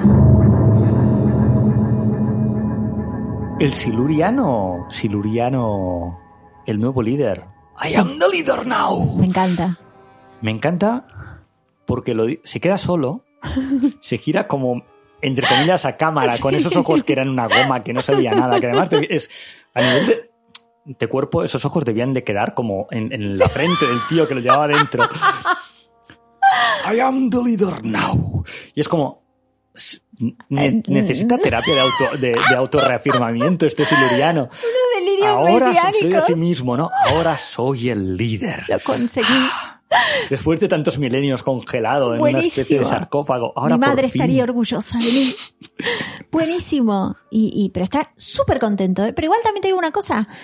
Eh, eso nos, nos dejaba como una, un personaje así medio mezquino, ¿no? Bueno, acaba de matar al líder anterior, ¿no? Ah, Un que personaje ambicioso y yo. Sin embargo, Ah, Sin que salga embargo- todo, que salga todo. muy digno de su parte en el final. momento en el que no quedaban más camaritas de hibernación, el tipo dijo, yo soy el líder y voy Yo a ser quedo. responsable. Me quedo. Y cuando vuelvan a descongelarse, el líder vas a ser tú. Pero yo ahora soy el líder y me quedo. Ah, aplausos de pie, querido. Porque uno que espera. Yo estaba ahí esperando. Este ahora va a decir, ja, ja, ja, y le, lo va a ahorcar y se va a meter él en la camarita, ¿no? Porque lo, lo habíamos visto ahí como muy ambicioso. No, no, dignidad. Un buen líder que hace, asume las responsabilidades. Mira, ap- aplausos de pie para este señor que no sabemos el nombre. Para el, siluriano. siluriano líder. ¿No? ¿No te no pensaste lo mismo? Sí, porque de hecho lo tengo aquí apuntado cómo se sacrifica. Sí. Cómo el tío sí. parece un, un malo de, de manual. Bueno, claro, a ver, malo de manual. Él pasa a ser el líder porque asesina al, líder, al líder que, era, que estaba de acuerdo en lidiar con los humanos. Bueno, en lidiar en, en dialogar, Ajá. en crear eh, una conexión Ajá. con, con los humanos. Y... Como una especie de magneto, nuestro el nuevo líder. Porque no quiere Sí. saber nada con los humanos. Eh, nada. Fuera. Pero tiene una responsabilidad como tal. Y Con este, los y este final tiene una responsabilidad con los suyos. Y este final eh, le honra, le honra mucho. Y creo que ayuda a este giro. Si el tío hubiese sido el malo malote hasta el último momento, cuando explotasen las cavernas, como no ha habido muchos más silurianos con los Muy que empatizar, eh, más que pues los dos, tres que hablaban, te habrías quedado igual Sí. un poco, bueno, pues que te den por culo, tío, Sí, da igual, ya sí. te, te toca morirte. Aquí es como, hostias, ese punto de... Muy buen detalle. Porque el final este te da, hostia, Es un final magnífico, ¿eh? es Yo sentí la misma pena que estaba sintiendo Doctor Who. En ese le- momento. y me pareció súper injustas eh, esas explosiones. Me pareció un delirio de un militar insensible. Y, y es verdad, y no lo había pensado, que aporta mucho a esa sensación, a ese sentimiento, el hecho de haber presenciado la dignidad de ese líder justo con los suyos. ¿verdad? Total, total. Muy Porque- de acuerdo. En el, en el cambio de, pa- de paradigma de Doctor Who, de pasar del segundo al tercero, a mí me, me preocupaba un poco este cambio y el, y el saber que durante al menos toda esta temporada eh, todos los episodios iban a pasar en la Tierra y con mucha relación con esta unidad militar, el UNIT. Se hace como muy repetitivo, muy igual. Y de repente, al final de un capítulo de estos, te pone esta controversia Mm, y, dices- y te quedas como, guau, cuando vuelvan después, ¿cómo os va a estar el doctor? sí, con- total, ¿Cómo va a ser esa relación? total. Mm, Te tengo que decir que después no es que le guarde un rencor Ah, vale. especialmente palpable. no hay hace, continuidad ahí. hace comentarios, Ah, vale. pero, pero no hay como un no, ahora estoy todo un serial que tú, y- tú y yo nos, no hablamos. Ya, A mí no me hables. ya. Un poco una pena ahí, pero, pero este final me dejó loco porque era lo último que me esperaba. Un conflicto eh, entre personajes protagonistas que quedase abierto para el, para el siguiente serial. Sí. Y fue, hostia, qué guay. Mira, se me, se me, se me disparó ahora una reflexión eh, con esto que estás diciendo, que puede que sea una estupidez, pero la voy a decir en voz alta. La voy a pensar en Por voz alta y la pensamos juntos. Estaba pensando que igual esto de, de esta pretensión que puede, que, que es, es lícita que surja de, ojo, espero que en el siguiente capítulo le retire la palabra, ¿no? Me parece que igual es algo muy de nuestra época, en la que ante un desacuerdo que no es menor en este caso, ¿no? Acaba de exterminar a una especie. Pero ante un desacuerdo, el quiebre. Y digo, esto es muy nuevo, esto es algo muy nuevo. Eh, se ve mucho en redes la cancelación. Ah, y dijo algo que no me gusta, ah, quemo sus libros. Pero es muy nuevo, es algo muy nuevo. Y antes no era así. Antes la gente podía estar en desacuerdo en dos o tres asuntos, pero tirar para adelante porque estaban, porque, porque había otras cosas en las que sí estaban de acuerdo. Y eso no necesariamente quería decir que se iban a asociar o que iban a, pero simplemente convivir. Me parece que ahora hay una, una convivencia muy difícil por esta, por esta, este impulso a, esto, a no poder admitir desacuerdos que antes no existía. Entonces quizás antes no era tan, quizás antes nadie había esperado que en el siguiente capítulo no le hablara al, al brigadier por, por estar en desacuerdo en algo muy, muy importante, ¿eh? Pero no sé, es una reflexión, no sé si tiene sentido. Tiene mucho sentido. Tiene mucho sentido y, y, vale, me está gustando que la hagas porque a veces uno pone el piloto automático de la manera de tomarse las cosas o de pensarlas. Mm, Soy bastante culpable de ello en mi manera de funcionar a veces. Y ahora me, me estoy acordando de, de la, simplemente de la política, ¿no? Tal cual. Eh, paras el mundo, piensas un poco, y tampoco es que yo tenga 60 años, pero cuando empecé a tener en cuenta la política y a, y a pensar en a darle bola, Ujú. cuando eso que tienes, pues eres adolescente, y un día de repente mm, hay un telediario y, y es el día que conectas y dices, ah, vale, mi país funciona así. Ajá. Hostia puta, ¿cómo han cambiado las cosas? Sí. O sea, de, de en 20, yo qué sé, ponle que igual tenía 17, 18, en 20 y pocos años, un, una- un encuentro, una sesión de control en un Congreso de los Diputados, nada que ver, pero nada, nada, nada, nada, nada que ver y nada que ver en cuanto a, a nivel de disputa, a nivel de agresividad. Y a nivel de no escucharse. Sí, tal cual. O sea, realmente ha desaparecido totalmente el, el debate y la escucha al otro. Tú vienes con tu cosa porque sabes que te van a sacar el- el- la conexión en el telediario. Sabes exactamente con el discurso que traes mm, preparado que tú lo sabes, 10 segundos van a coger, porque te vas a preocupar tú de cómo hagas ese discurso, que esos sean los 10 segundos que te van a coger. para que salga en el telediario. Y vas, y vas a esto. Y, y es verdad que la manera de, de sacar adelante las políticas de, bueno, vale, en esto nos tenemos que poner de acuerdo. Tú y yo no tenemos nada que ver en esto, en esto, Sí. en esto, en esto, en esto, pero realmente esta parte de aquí, esto vamos a sacarlo juntos. Sí. Y no pasa nada. Ujú. Y ahora es total. Y es siempre, el ¿cómo tal, tal? Y coño, me da rabia. Porque si me reflexiono a mí mismo, hay muchos momentos en los que caes en esto. Sí, claro. De, pero si son los que pactaron no sé qué con no sé cuántos. Bueno, no, Tal cual. no tendría que pasar nada por esa cosa.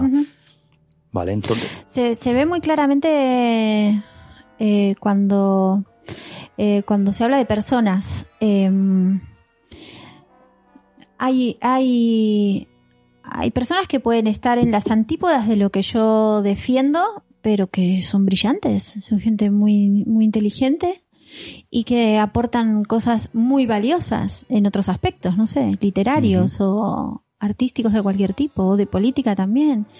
Em, y antes la convivencia era posible y eran posibles esto, colaboraciones o acuerdos.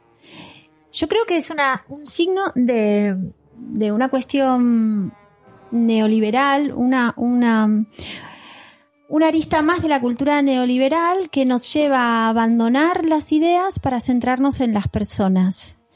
Dicho de otra manera, abandonar lo colectivo para pasar a lo individual. Entonces, ya no estamos hablando de ideas o de, estamos hablando de personas. Entonces, tú piensas así, pues cancelado, invalidado por completo. Ninguna de las otras cosas que hagas me van a valor. interesar, ni siquiera les voy a prestar atención. Pero es más, voy a hacer lo que esté en mis manos para desacreditarte y que nadie te escuche nunca más, y que nadie te vea, que nadie te lea, que nadie porque hay un asunto en el que no estamos de acuerdo. Pero entonces no soy capaz de tomar distancia y entender que estamos hablando de ideas, sino que voy a lo personal. Está siempre lo individual sobre lo colectivo. No sé, igual me estoy equivocando porque también estoy pensando en voz alta, pero... mm, No, creo que no te estás equivocando. Creo- y esto se ve en, en- y una vez más en mea culpa en mi día a día de la utilización, la banalización del nazismo. Mm, nazi, tal nazi, nazi. No, Tal a ver, no, no olvidemos que la única, para mí, la única cancelación tendría que ser, que ser la del fascismo. Y el fascismo es muy fácil de identificar, para mí, políticamente. Es a quien está haciendo una propuesta eh, de funcionamiento político y de organización que, una vez instaurada, va a evitar la rotación política y ya so- se va a asegurar de que solo funcione la suya para siempre. Esa es la única que tienes que evitar. Cualquier idea, incluso de derechas, que no llegue al, al extremo de una vez yo me instaure, estad por seguros que no habrá más rotación, Ajá. porque el objetivo es que esta sea la predominante y se Y no habrá opos- oposición. Sí, correcto. No va a haber la posibilidad de una oposición, porque tampoco va a haber una rotación. O sea, por ejemplo, va a llegar un partido que, o sea, yo qué sé.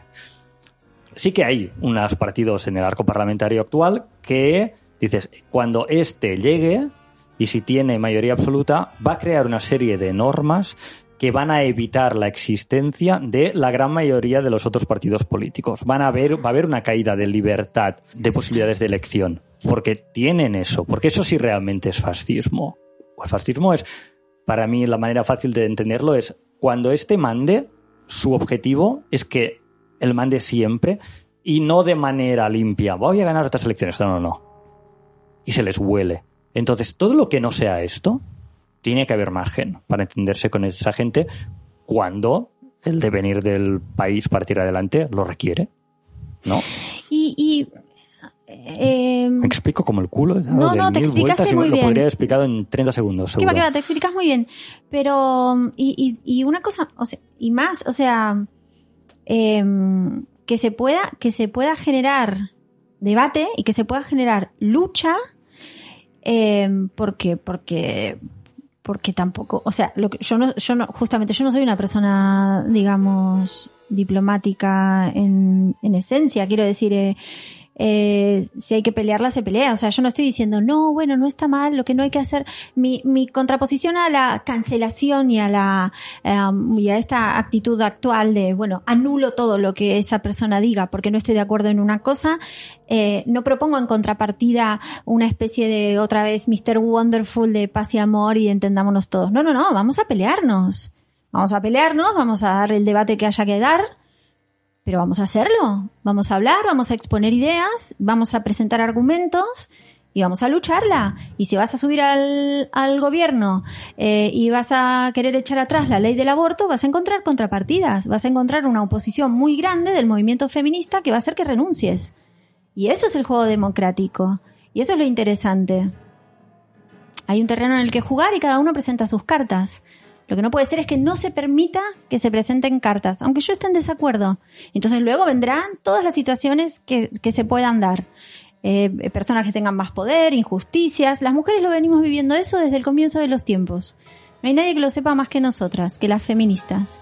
Pero las luchas hay que darlas y, y esta nueva cuestión de cancelar sobre todo en las, me centro en las personas, pero cancelar a alguien porque no esté de acuerdo en algo y, y anular todo lo, lo demás, o volviendo al ejemplo, retirarle la palabra, por ejemplo, ¿no? O crear una grieta ahí de, bueno, esto, esto es insalvable. Pues no, habrá otros asuntos en los que estemos de acuerdo, o no, pero, pero yo soy una ferviente, eh, em, una, una entusiasta de la democracia en todo caso. ¿Sabes? O sea, la cancelación y la censura y la... No, no, Pero para eso tiene que haber la posibilidad de que todo el mundo pueda hablar y que el debate exista de manera real. que haya un debate de ideas, Claro. no de personas. A mí que me importa lo que, no sé. Bueno, luego habrá, hombre, si comete delitos los comete y tendrá que te- tendrá que rendir cuentas.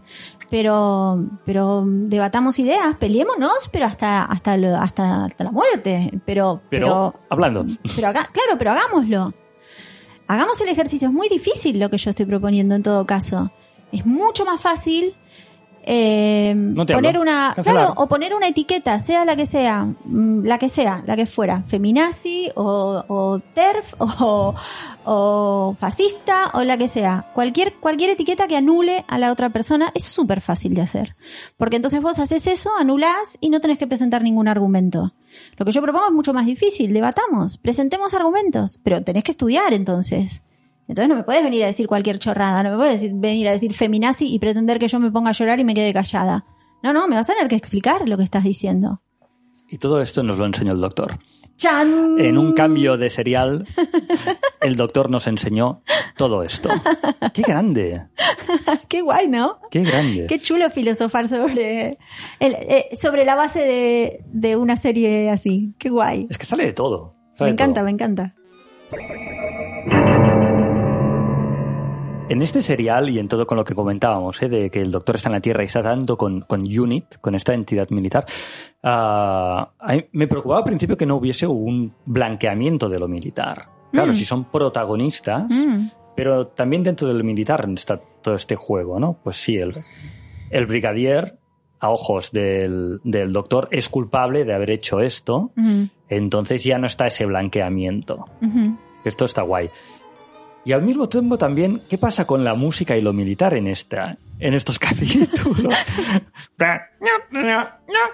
Eh, pero maravilla, parecía de verdad un capítulo de, no sé, de los Muppets, boludo, en serio. Es que parecía, o sea, si en algún momento estabas intentando que yo me tomase en serio, que había un Sí, sí, pobre sí, soldado haciendo retaguardia eh, en una en la cueva 3, nivel no sé cuántos, y de repente lo matan y tal, que me pongas esta música es la antítesis aquí yo o sea, la tienes un momento de tensión. Total, total. Es como esto, chan, chan, se acerca el siluriano, tal.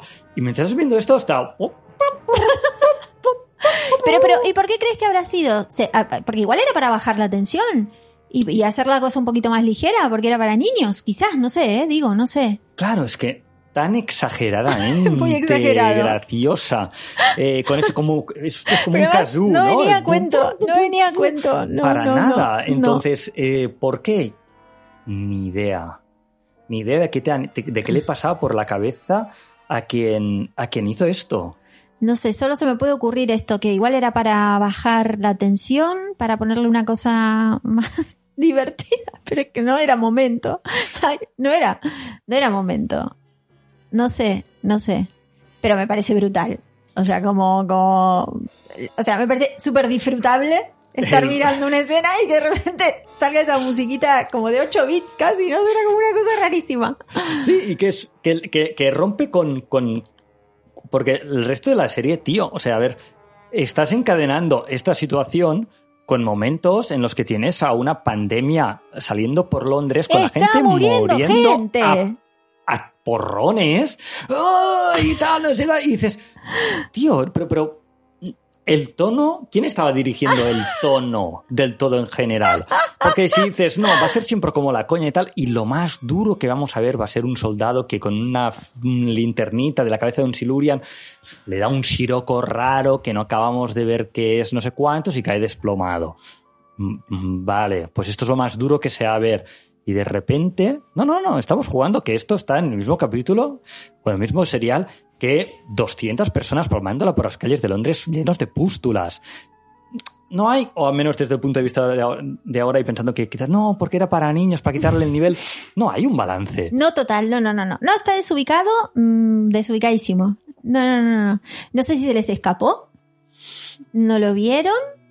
Lo pusieron ahí, esto como para que sea ser para que niños. históricamente, que desde que, que en estos 50 años haya cambiado la percepción de la música y en ese momento esto no, no acabase de ser leído Sí, tan seguro. cómicamente. ¿Puede Sí, ser? seguro. Sí, creo que diste en el clavo. Sí, seguro. Seguro. Lo estamos viendo con nuestros ojos, ¿Y nuestros oídos? nuestros oídos. Y sí, seguro, seguro. Claro, claro, claro, claro, claro, claro. Además, eh, nosotros ahora le estamos dando una perspectiva y buscamos de ahí, sacamos cosas y nos ponemos a filosofar. Pero esto sería una serie para que se entretuvieran los chicos al volver del cole mientras tomaban el, el. Nesquik, ¿Me entendés? Claro. Mm, Bueno, sea, los sábados por la tarde, ese día no he venido al cole, espero por los pobres Oh, no niños sé. británicos. Bueno, en Francia van al cole, no los sábados. Claro. Cuidado, no sé, no sé, no sé. Igual sí que iban, ¿eh? Ah, pues sí. La abuela de Jordi Mm. iba al... co- m- Mi suegra iba... al- La madre de Jordi iba al cole los sábados en Francia. Sí, sí, sí, sí. Es probable, es probable. Pero da igual, quiero decir, esto era para críos, para que estuvieran ahí sentados un rato en la tele. Mm. Así que sí, seguramente eh, nadie vio, ra- ningún adulto que pasaba por ahí o que se enganchó y se sentó a verlo veía como raro. También es verdad que esto, este, este lenguaje que ahora tenemos tan incorporado eh, se estaba gestando. Entonces, mm, claro, Hmm. ahora sabemos exactamente dónde va cada tipo de música, cada tipo de efecto de sonido y antes no, qué sé yo. Sí, igual tampoco.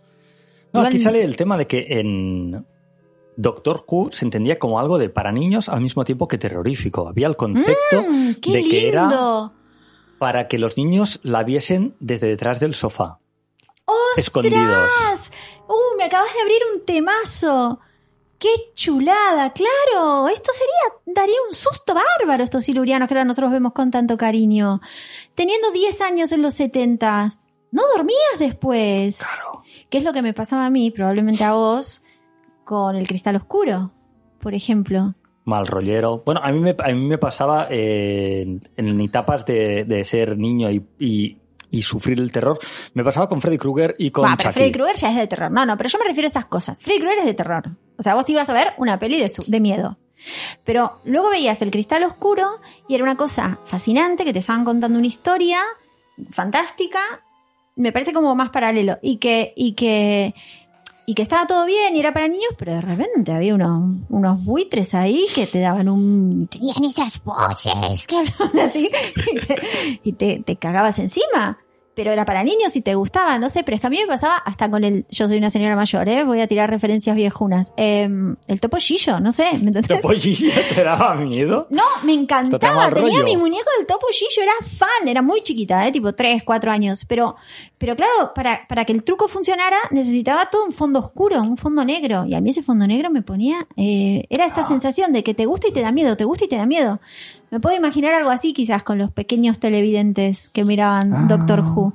Que te gusta y te da miedo. ¿No te pasaba con nada? No, porque por ejemplo en mi eh, Topollillo, Topollillo aquí ah, en España, menos a mi generación, eh, llegó mucho antes. Mm. O llegó igual, igual, igual, eh, en la misma época, llegó, llegó a Argentina, pero aquí se dejó de hacer. Por lo que sea. Entonces, mi madre tenía el referente de Topollillo, Mm. Ah, yo no, pero Ah, sé qué es. Pero en mi época, por ejemplo, en TV3 había, estaba el señor Curdills. Ajá. Era un concepto, era el mismo, era un títere. Era Ajá. el equivalente al mic de Claro. ahora. Bueno, era el mic de eh, mi vale. época. También, fondo, Fondo oscuro. negro. Fondo negro. Y no, a mí me gustaba. No recuerdo para nada haber tenido nunca miedo de ese espacio negro vacío de, del señor Curdills. Ah, mira vos, me, me resulta curioso porque esto es algo que he comentado y que varias, varias personas coinciden en tener así alguna, alguna serie o alguna peli que es como esto que te gusta pero te da un poco de miedo. A ver qué dicen los, los Los oyentes. oyentes. Eh, no, pues no. Cuando algo me gustaba, eh, me gustaba. Incluso cierta. Hay adultos de mi época que te encontraban, por ejemplo, eh, Planeta Imaginary, algo perturbador por el tono. No sé si te suena. No. Busca, eh, hay cosas en YouTube. No, no, no hay sé algún de qué me capítulo estás hablando. entero de. Era un programa que aquí se hacía en la en la segunda Ajá. televisión española, básicamente, porque era en época en creo que aún no había TV3, entonces no había ninguna otra, la Ajá. 1 y la 2.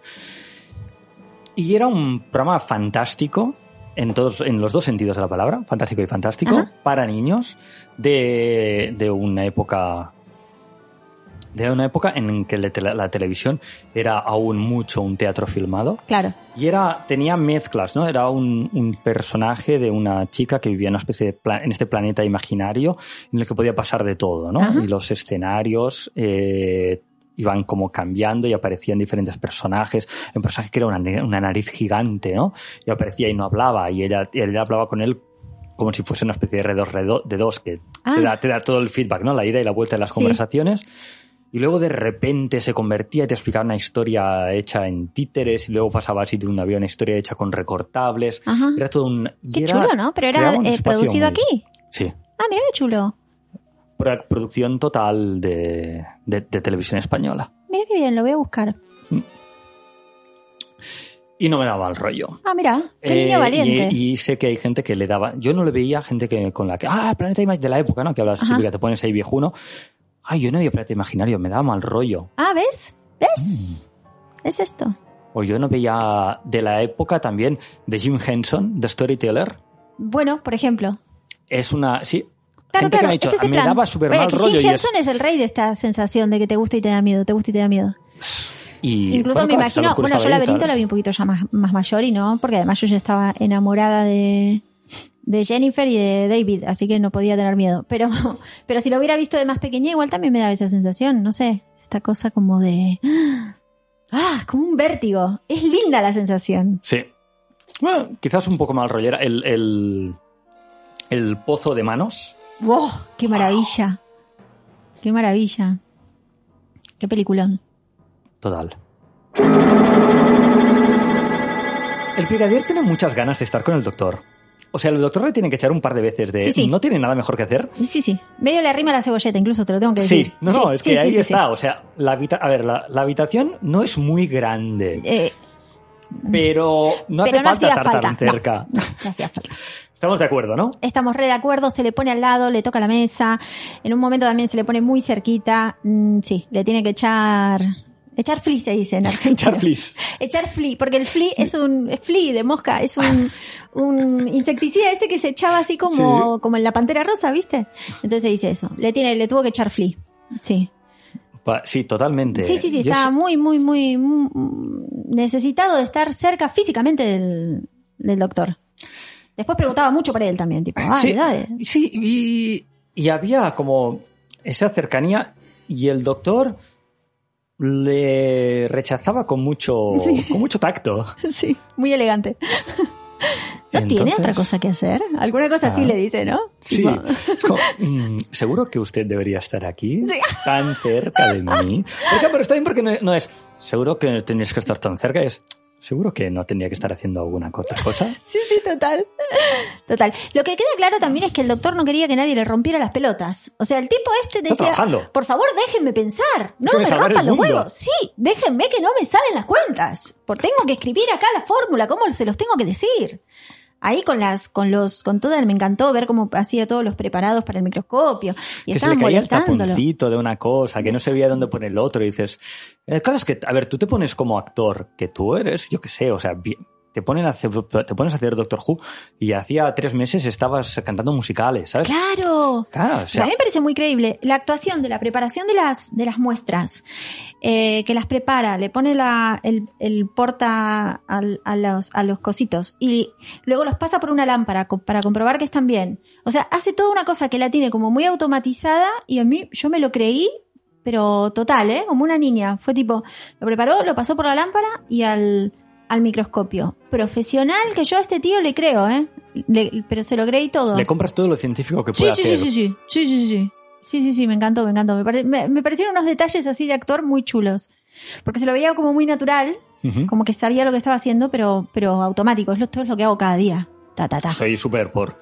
Sí, sí, sí. Mira, en este, estas naturalidades hay una cosa que, un momento que es solo justo empezar, justo empezar el capítulo primero que hemos visto, el sexto, que me encanta, que es cuando llegan al hospital, encuentran al tipo muerto en la entrada del hospital, salen el médico y la enfermera, y el brigadier ve automáticamente, estos dos tíos se han contagiado. Probablemente yo también, pero estos dos están contagiados. Saca la pistola dentro. Eso hay que contenerlo. Brutal. Sí, sí, brutal. Auto- no, no, no, para adentro. Sí, sí, muy Empieza bien. la contención. También como profesionalidad, ¿no? Total. Sí, sí, total. Me gustó. Sí, o sea, es súper automático y eso nos tenemos que pensar que no sé qué. O sea, es esos momentos en el que el personaje va por delante del espectador. Llega un momento que Sí. tú le ves sacar la pistola y dices, ¿por qué coño? Ah, porque está conteniendo la. Sí, sí, total. No es como espero que haga esto y esto y esto porque No, no está haciendo tal. Es de explicar. repente, ¿Por qué Claro. le está apuntando a un, a un doctor? No nos lo explicó, Ah. no nos lo explicó. Ni falta que hizo. No, Lo entendimos. sí. Qué lindo también cuando no se subestima al espectador. ¿Verdad? Qué lindo, qué placer. No hay que contarle todo, ¿no? sí, sí, Pam. sí. Total, ya te cae después, después te cae la ficha y dices, ah, y está bien, y está bien. Y te cambia totalmente el chip. Sí. Ahora empieza una temática, de, o sea, el, el- ahora esto va de contener un virus. Sí, claro, claro, total. Y, Y te pones en el rollo de esta dinámica. entonces ya entendés, ya vas, ya, ahí Todo sí, ahí sí, ahí y ya estás. Claro, el otro no se puede ir, claro, lo va, lo va a propagar. Marvelous. Hermosas todas las escenas de la, de la estación de tren, ¿no? Era de tren. Sí. Eh, hermosas, hermosas. La gente ahí contagiándose, cayéndose siempre contra una pared, frotándose. Contra cosas. contra cosas. eh, Que es que una cosa, tuvieron que rodarla una segunda vez porque se, se estropeó el, eh, el rollo de la primera vez que lo rodaron. no, de los exteriores. No. Sí, tuvieron Pero que eso es volver a rodarlo. Y, pero, ¿Y eso cómo lo hacían, Kim? ¿Que eran todos extras los que vimos? Eh, pasaba, eh, ¿Aprovechaban eran- gente que pasaba por ahí? No, era- eran extras. Todos eran extras. todos extras, menos eh, el tipo que, que, que estaba con los billetes. Ah, Ese era uno del equipo de producción, ah, que estuvo un poco así. Y la gente de... O sea, fue, no sé por qué lo cogieron, pero sí que sé que desde producción y dirección eh, se dijo que mejor no hacerlo, porque era intrusismo laboral. Los actores que vienen a hacer de extras están cobrando por hacer de extras y no puede ser que una persona que se dedica a hacer de extra pierda un, pierda un trabajo porque tú que aprovechamos a uno que pasaba por aquí. ¡Ostras! ¡Cuánta conciencia! Totalmente. ¡Qué maravilla! ¡Qué, qué, qué guay! Esto es, eh, es Y algo esto estamos tiene- hablando de los 70 en Inglaterra. Sí. Acá en España, año 2021, no sucede. Fíjate, No sucede, chaval. O sea, vos pasas un presupuesto para una publicidad en stop motion y resulta que no, que la quieren hacer por 100 euros y se la termina haciendo el sobrino. Así queda, como el orto. Pero año 2021 acá no sucede. Pues mira, en 1970 y en Inglaterra lo tenían, lo tenían tan claro. Que también tengo que decir que tenía cosas a favor y cosas en contra. Por ejemplo, hay diversidad eh, en los papeles. Uh, hay mucho blackface en Doctor Who. Ah, sí. Sí. Eh, de personajes que tienen, fijen ser eh, asiáticos principalmente, Ajá, caracterizados, o sea, ese yellow face. claro. porque precisamente cómo se tenían que coger los actores y las actrices tenían que estar sindicados. Mm. Si no, no entraban a, la- a trabajar a la BBC. Mm. Eh, y esto cerraba un poco el pool a la hora de ir a buscar actores y actrices. Claro. Queremos a alguien asiático que sea, que, que nos convenza además Claro. para hacer la interpretación en tal. O hay un tío que está de puta madre, tal, no sé qué. ¿Está sindicado? No, pues no puedes cogerlo. Claro. Claro. Bueno, pero supongo que eso se habrá ido perfeccionando. Claro, Quiero ahora- decir, tendría esas deficiencias en el momento. en un momento, y estoy seguro que, bueno, Seguramente lo habrán hoy- ido ahora- puliendo.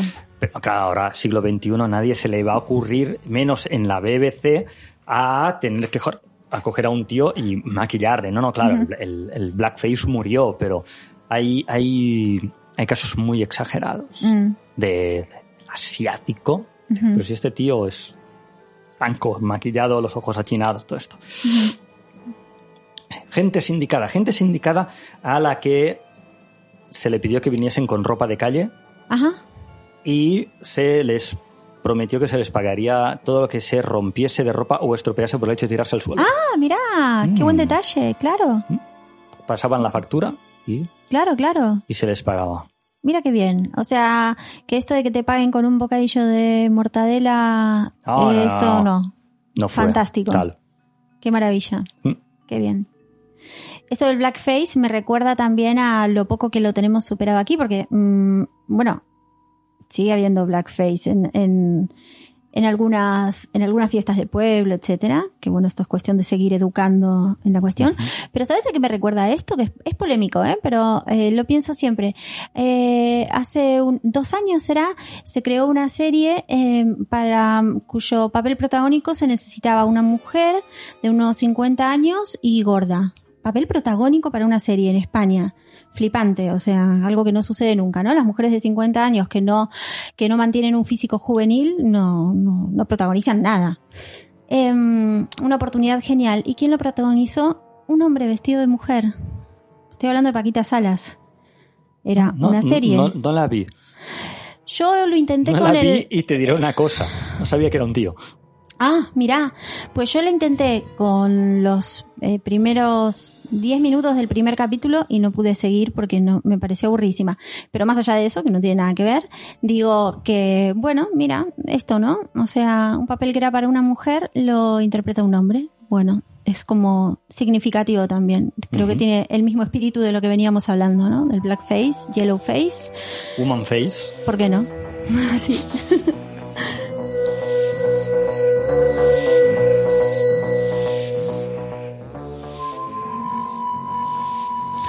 Vale, vale, vale, vale. Pues.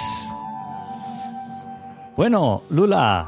eh, ahora llega el cierre, pero vamos a hablar un poco de este cierre que le pasa algo raro, que es que lo estamos grabando como mm, tres semanas más tarde o algo así.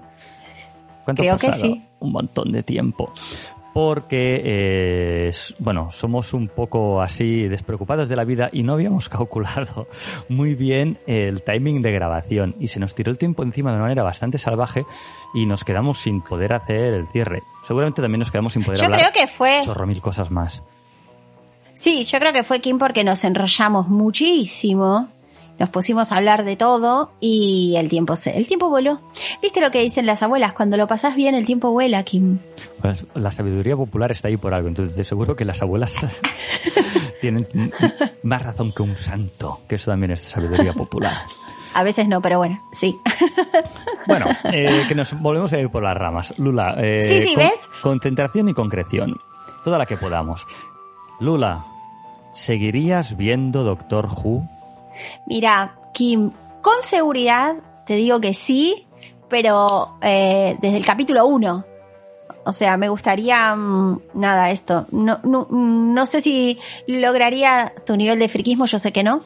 Eh, pero, pero sí, es una serie que me, me divirtió un montón. Bueno, una serie. Fueron dos capítulos que me divirtieron un montón y que a mí me dan ganas de verla. Me dan ganas de verla desde el comienzo y de enterarme bien porque, nada, de enterarme bien de los cambios de, de personajes, de los cambios de doctor, de lo que va pasando.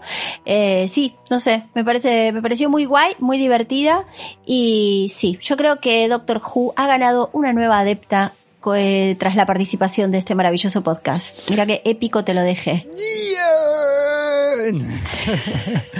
¡Bien! Ay, no es lo que suele pasar. Vale, eh, me alegro muchísimo. Maravilloso, Bien. maravilloso. Ahora es el momento de que off the record vemos las maneras de hacerte llegar todo este material. Lula, muchas, muchas gracias por haber estado aquí hoy en online y allí en el comedor de casa hace unas semanas, haberte prestado a ver este par de capitulitos. Y Y no, gracias a ti, yo me lo pasé genial, me encantó, es algo que tenía muchas ganas de hacer ya desde cuando me contaste la idea del podcast, me pareció lo más, así que gracias por invitarme, Kim, me lo pasé genial. Lula, un abrazo y nos vemos en En la vida. nos vemos en la vida. Un beso grande, gracias. Un besazo. Si nos queréis proponer capítulos para ver con nuestros invitados, ya sean de la serie clásica como de la moderna, nos podéis contactar por Twitter en arroba mttu podcast o dejarnos un comentario en nuestro canal de iVoox.